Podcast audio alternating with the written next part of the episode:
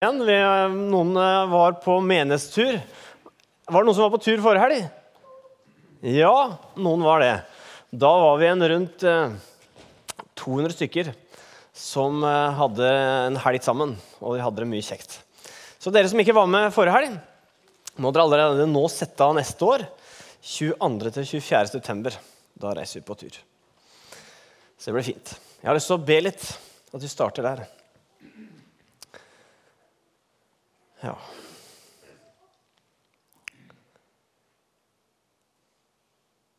Jesus, takk for at du er her sammen med oss. Takk for at du sier at hvor to eller tre er samla, så er du midt iblant oss. Jeg ber deg nå for den tida vi skal ha sammen nå, at, vi,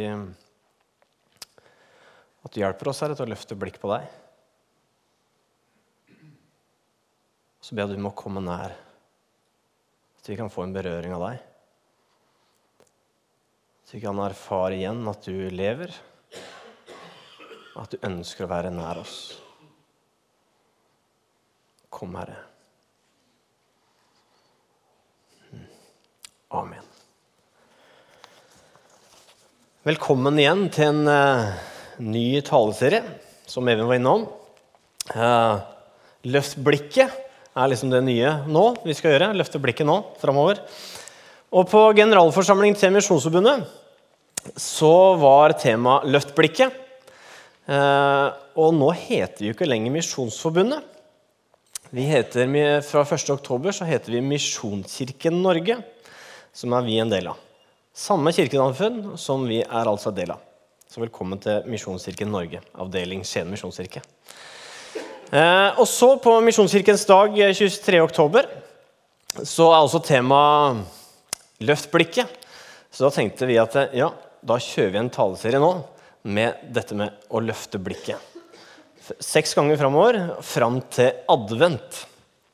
Hvis jeg sier advent, så er det ja, hva tenker du da?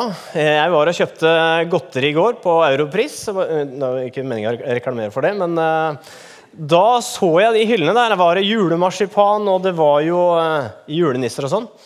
Så det uh, Ja, jeg sier det. Vær klare. Nå kommer jula snart. Men løft blikket. Ikke fram mot jul, men løft blikket på hva mer vi har foran oss. Det er liksom det vi ønsker. Og i dag så skal jeg ha en innledning til denne serien hvor jeg skal snakke ned om å se mer enn seg sjøl og den situasjonen man står i. Har du blikket festa på noe, så vil du bli påvirka av det som er i en eller annen mindre grad. Kanskje deg sjøl, og også andre vil bli påvirka av det som du har blikket festa på. Jeg husker når eh, Tine ble gravid eller når, ja, jeg husker når Tine var eh, blitt gravid. Eh, så var, og begynte å få mage, så Ja, det var fint, dette, altså.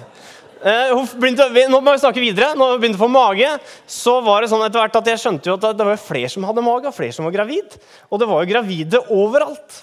Og når vi eh, nærmer oss slutten, da, så, eller vi, det var jo noe man gjør sammen, selvfølgelig, men hun går og bærer. Men da skulle vi kjøpe barnevogn, og jeg hadde jo ikke hatt noe fokus på barnevogn før. Så vi var rundt og kikka på de fleste steder, og det var jo veldig mange steder om de selger barnevogner. Og når du kommer på Hercules, så er det ba nei, nesten bare barnevogner. Eh, og eh, kommer du her, så har du barnevogner. Og eh, hjemme hos folk, så oi, der har de en barnevogn. Så det er liksom barnevogner overalt. liksom Kjøre i trafikken det er nesten trafikkfarlig å ha fokus på barnevogner, for det er så mye barnevogner. For det du har fokus på, det vil du også legge merke til. Kommer du inn her og ser etter noe negativt, så vil du finne det. Har du blikket festa på noe positivt, eller hva som er bra, så vil det også prege deg. Så er spørsmålet da, til deg hvor er det du har blikket ditt? Fra 2002 til 2005 så var jeg så heldig å få jobbe i Colombia. Jeg var med å starte speiderarbeid der og jobba i rehabiliteringa for barne- og rusmisbrukere der. Og Før jeg reiste til Colombia, fikk jeg høre det at eh, det er vanlig at man, når norske reiser ned, at man skifter navn eller får et colombiansk eller spansk navn. For uh, de er ikke så gode på å si æ, ø, å. De, de, prøvde å si navnet mitt. Det var Torbjørn. Det er liksom ikke helt det samme. Så da tenkte jeg ja, jeg vil hete Pablo. Så det er mitt eh, colombianske navn. Det er, ikke, nei, det er ikke etter Pablo Escobar, men det er etter Pablo, som betyr Paulus i, i Bibelen. Eh, og jeg vil si at Paulus, det er en bra kar. Eh, han har jo skrevet det mesteparten av det som er å finne i Nytestamentet. En del brev der han har skrevet. Uh, og noe som jeg setter pris på, er at han er en veldig real fyr. Og han har fokus på nåde og drar folk videre, og han snakker, snakker om masse det om å lede folk.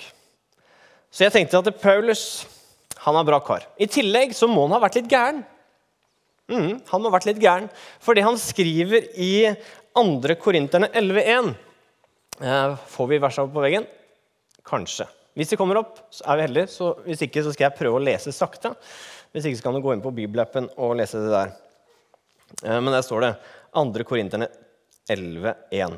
Jeg skulle ønske Nesten.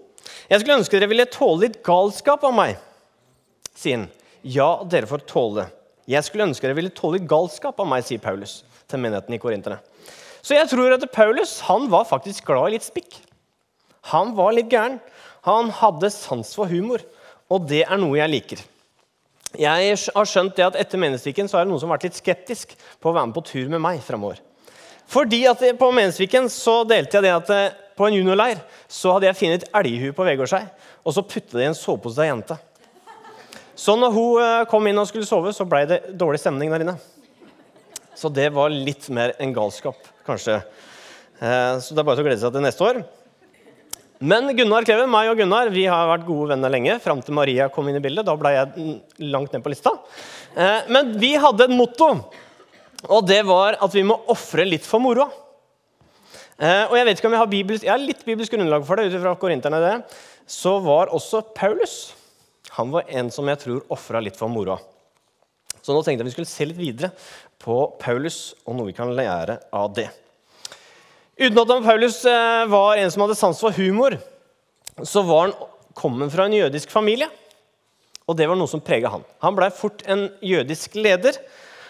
Og så likte han jo ikke de kristne, for de sto jo for noe annet enn det han sto for. Så han, var, han skulle ta dem. Og han var til stede når en kristen ble steina, og han ville fengsle dem og ta dem fordi at de sto for noe annet enn det hans lære sto for. Og så var de på, eller Paulus han hadde fått eh, klarsignal til å reise til Damaskus og for nettopp og for å ta og fengsle de kristne. Men på denne reisen så blir han møtt av Jesus i et syn, og Jesus taler til ham. Hvor Jesus sier at vet du hva, Paulus, det er meg du forfølger. Og så blir livet til eh, Paulus snudd opp ned. Fra å være den som forfølger, så blir han forfulgt sjøl. Og Etter hvert så starter han noen menigheter, og så ender han opp eh, blir han sendt til fengsel i Cesarea. Og Så skal han bli videre til et annet fengsel i Roma. Og På vei dit så må de ta båt, og båten forlis, eh, krasjer og forliser, så de må overvintre på en øde øy. Og Neste år så kommer de til Roma, og der kommer de til borgen og sitter i fangehullet sitt eh, i fire dystre år. Fangevokterne som han har lenka fast til, de går inn og har sitt vaktskift og går inn og ut. Men han sitter fire dystre år i et fangehull. Og Fra fengselet så skriver Paulus en del brev til menighetene som han har starta opp, for å backe de opp. Og Da skriver han bl.a. til menigheten i Filippi, eh, som vi kaller eh, Filippe-brevet, som vi kan lese om der. Da tenkte vi skulle se på det. Filippebrevet 1.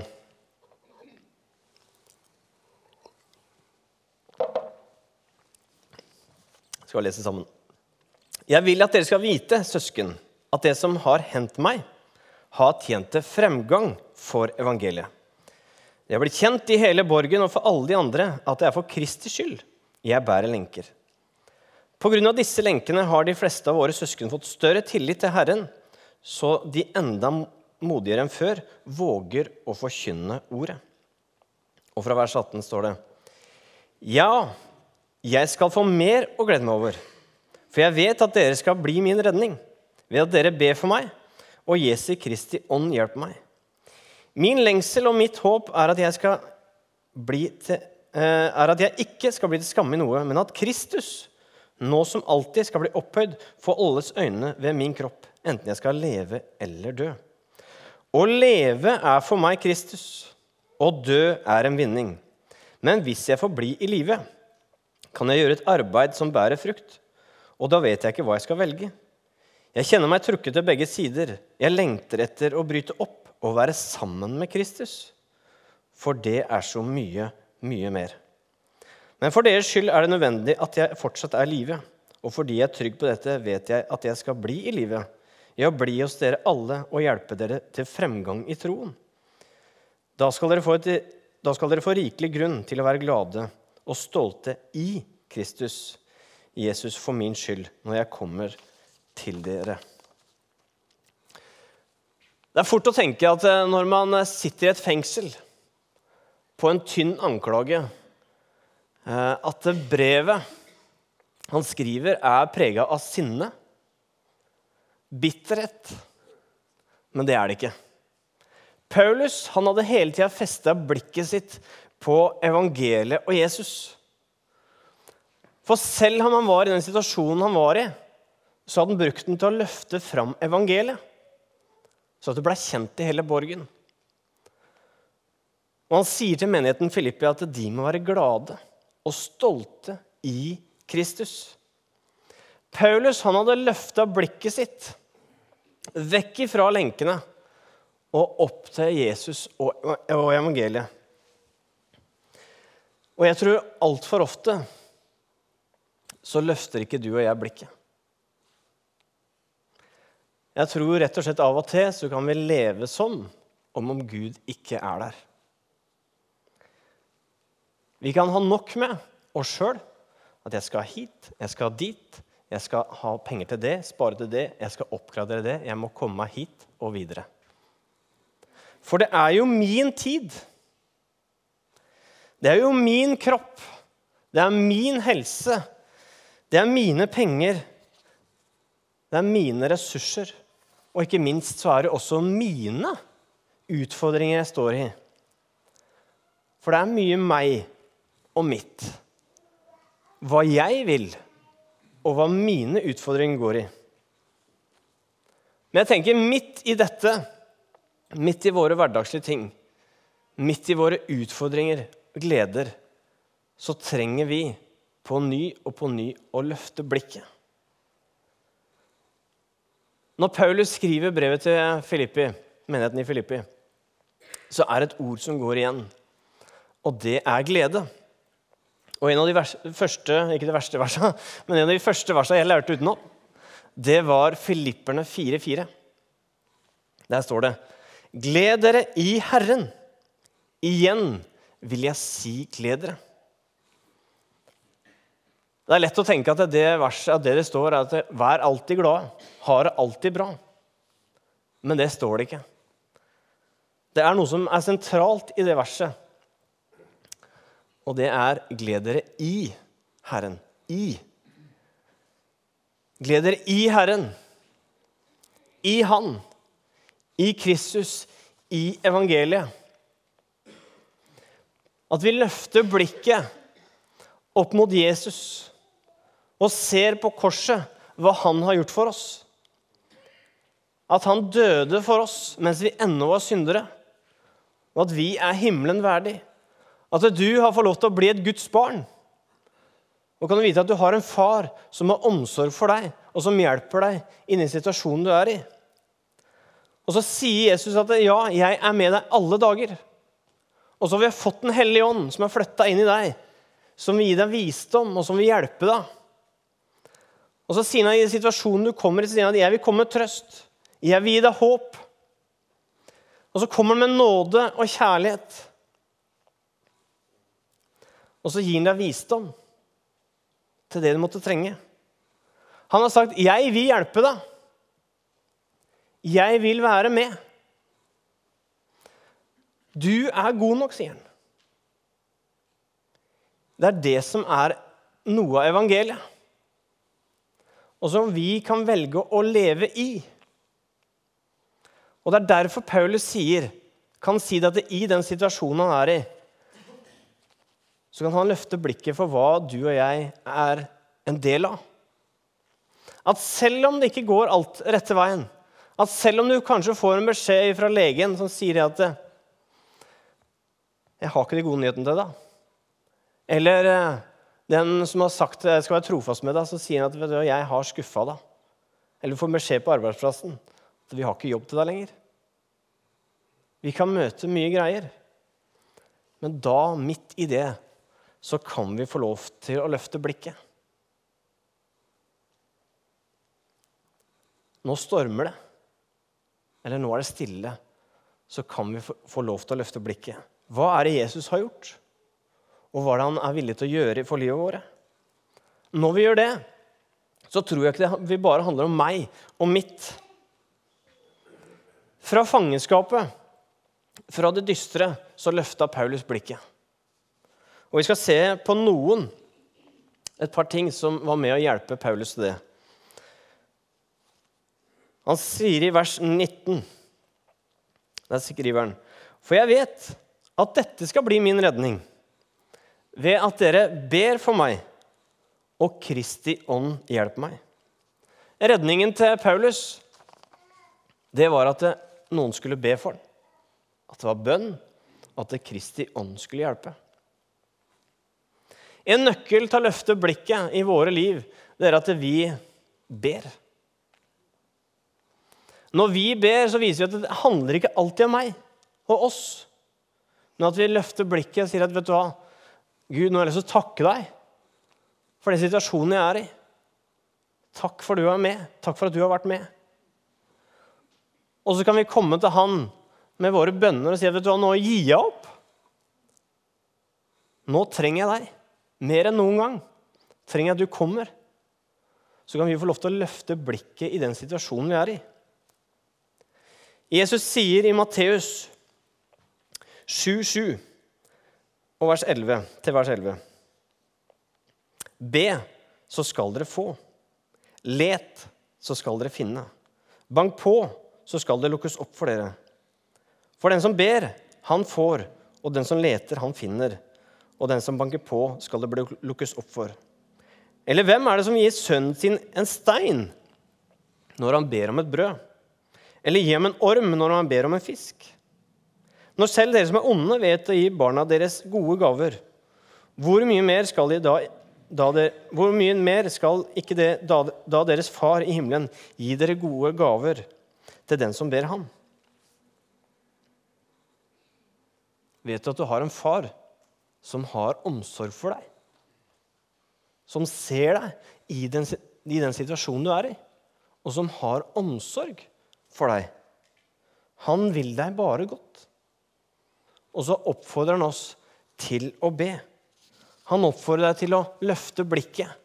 Han oppfordrer deg til å dele den situasjonen du er i. At ikke du deler den situasjonen du burde vært i, men du kan dele der du er. Jeg er så takknemlig for at eh, det er en hel bok i Bibelen av de 66 bøkene som handler om klagesangene, heter den. Hvor mennesker får lov til å klage til Gud. Og det kan vi også gjøre. En annen ting det var Den hellige ånd som skulle hjelpe ham. Og Den hellige ånd den har flytta inn i deg. Når vi tror på Jesus, så flytter Den hellige ånd i deg. Og det er mange gode gaver han gir. Han gir oss nådegaver, det er frukter osv. Og, og det er mange frukter av ved å tro på Jesus og ha Den hellige ånd i seg. Men en av de er at eh, et av navnene på Den hellige ånd, det er talsmannen. Jesus sier i Johannes evangeliet 14, 14 6. Men talsmannen, Den hellige ånd, som far skal sende i mitt navn, skal lære dere alt og minne dere om alt det jeg har sagt dere. Den hellige ånd som bor i oss, den vil minne oss på hva er det Jesus sier. Den kan minne deg på at det stemmer det. Jeg er god nok. Han kan minne meg på korset. Stemmer det. Og når jeg er, eh, kan minne meg også på bibelvers om hva Jesus sier, eller hva Gud sier om deg. Det kan være vi føler oss aleine, og så stemmer det. Jeg blir minna på det.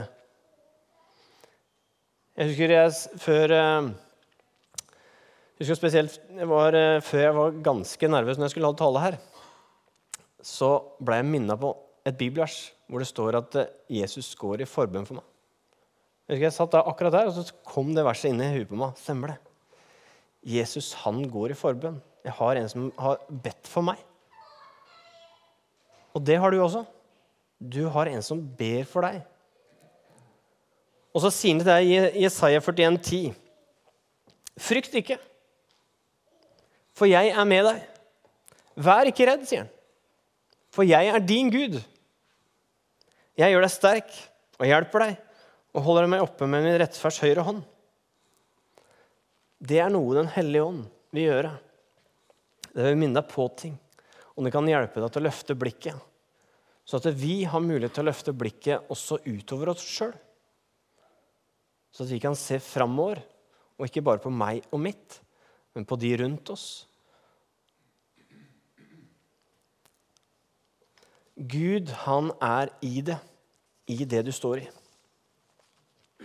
Jeg vil helt til slutt uh, ha en illustrasjon. Jeg har med, har med et tau her. Og uh, dette tauet her det fortsetter her og videre innover det rommet der og inn i evigheten, kan du nesten si. Og dette er eh, på en måte tidslinje for ditt liv. Og når vi tror på Jesus, så, så får vi evig liv. Det er som vi spiller dataspill, og så kan vi på en måte miste livet, men allikevel så har vi evig liv. Vi får stadig vekk nye sjanser med Jesus. Og så lever vi vårt liv da her. Eh, og så er den teipen her. Det er den tida du har her på jorda. Og så lever du og jeg i snitt sånn mellom 80 til 100 år, kanskje. Og så er eh, noen av oss er her. Noen er litt i begynnelsen, og noen er på slutten. Og så noen er her, men så føler de seg her. her. Eh, Elisabeth spurte Tine er pappa ungdom. Og så, og så Før eh, Tine rakk å svare, så sier Sara han bare tror han er det.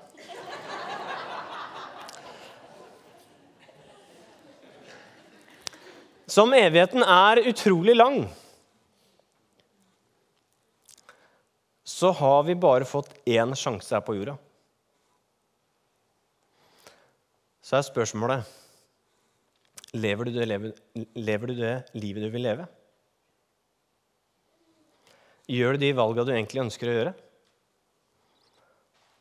Har du blikket festa på at du, selv om jeg er her og står midt i det gjørma jeg står i nå, så har jeg et hel evighet foran meg?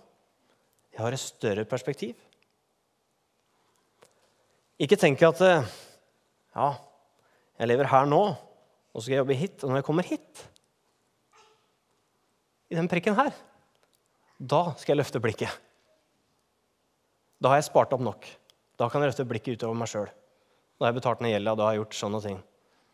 Ikke utsett det. Lev livet nå. Du har det livet du har fått og løft blikket der du er, i din situasjon. Noe som har hjulpet meg, det er at jeg har begynt å gå noen småturer. Og da vi, vi liker jo ikke høy puls, så det er snakk om fem minutter eller en liten halvtime. Eh, men da har jeg gjort en avtale med Gud. da. Eh, og jeg sier at nå skal vi gå en tur. Det er bare meg og han. Og han er jo alltid med. det er veldig greit. Eh, og så tenker jeg hvis jeg skal bort dit, og tilbake, så sier jeg at på vei bort så skal jeg prate. Og da sier jeg ja, åssen jeg har det. Kanskje jeg, Av og til sier jeg mye, og av og til sier jeg ikke så mye. Men på veien tilbake da skal jeg prøve å være stille. Da skal jeg prøve bare være meg og Gud. For det er så lett å få hele tida ting jeg skal si. Men da har gjort en deal. Når jeg er på veien tilbake, da skal jeg slippe deg til. Jeg, det funker for meg. Men så vil jeg utfordre deg til å finne en vane i ditt liv hvor du får løfta blikket. Hvor du får tatt en pause. Og får se hva du er en del av, hva du har i Kristus. På menighetsturen så sa jeg i en, uh, i en liten tale her så sa jeg det at jeg uh, spurte hvem er som dusjer, eller hvem er som vasker seg før de går i dusjen. Og det gjør vi ikke. Men jeg tror at mange ganger, og jeg kjente sånn i mitt liv med Gud også, at jeg må på en måte ha prestert nok. Jeg må ha visst at jeg greier det. Jeg må vise at jeg, ja, jeg har gjort det. Og nå skal jeg vise at jeg kan det allikevel. Før jeg kommer til Gud. Jeg må liksom ha vaska meg litt sjøl. Men vi kan løfte blikket der vi er. Og han tar oss imot akkurat der vi er skal vi be.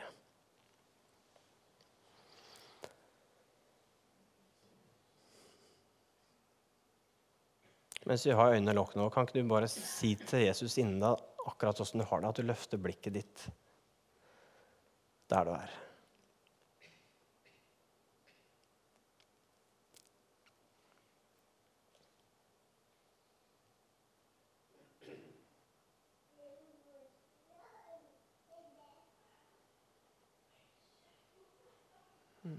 Takker Jesus at du eh, Du sier at det er ingen fordømmelse for den som er i Kristus. Takk for at du møter oss der vi er i vår liv. Ikke der vi burde være, men akkurat der vi er. Takk for at du sier at du vil komme med nåde og visdom, og du vil dra oss videre, Herre. Hjelp oss, Herre, til å løfte blikket, Herre i vår hverdag. Og alle de gode, gode tinga vi har i deg, Herre. Hjelp oss til det. Så jeg deg for hver enkelt nå om at de, når de setter av tid til deg, at de kan finne deg. At det ikke blir tomhet, men at du kommer i Jesu navn. For vi trenger deg i vår liv. Og hjelp hver enkelt å leve det livet som du har kalt dem til å gjøre, Herre.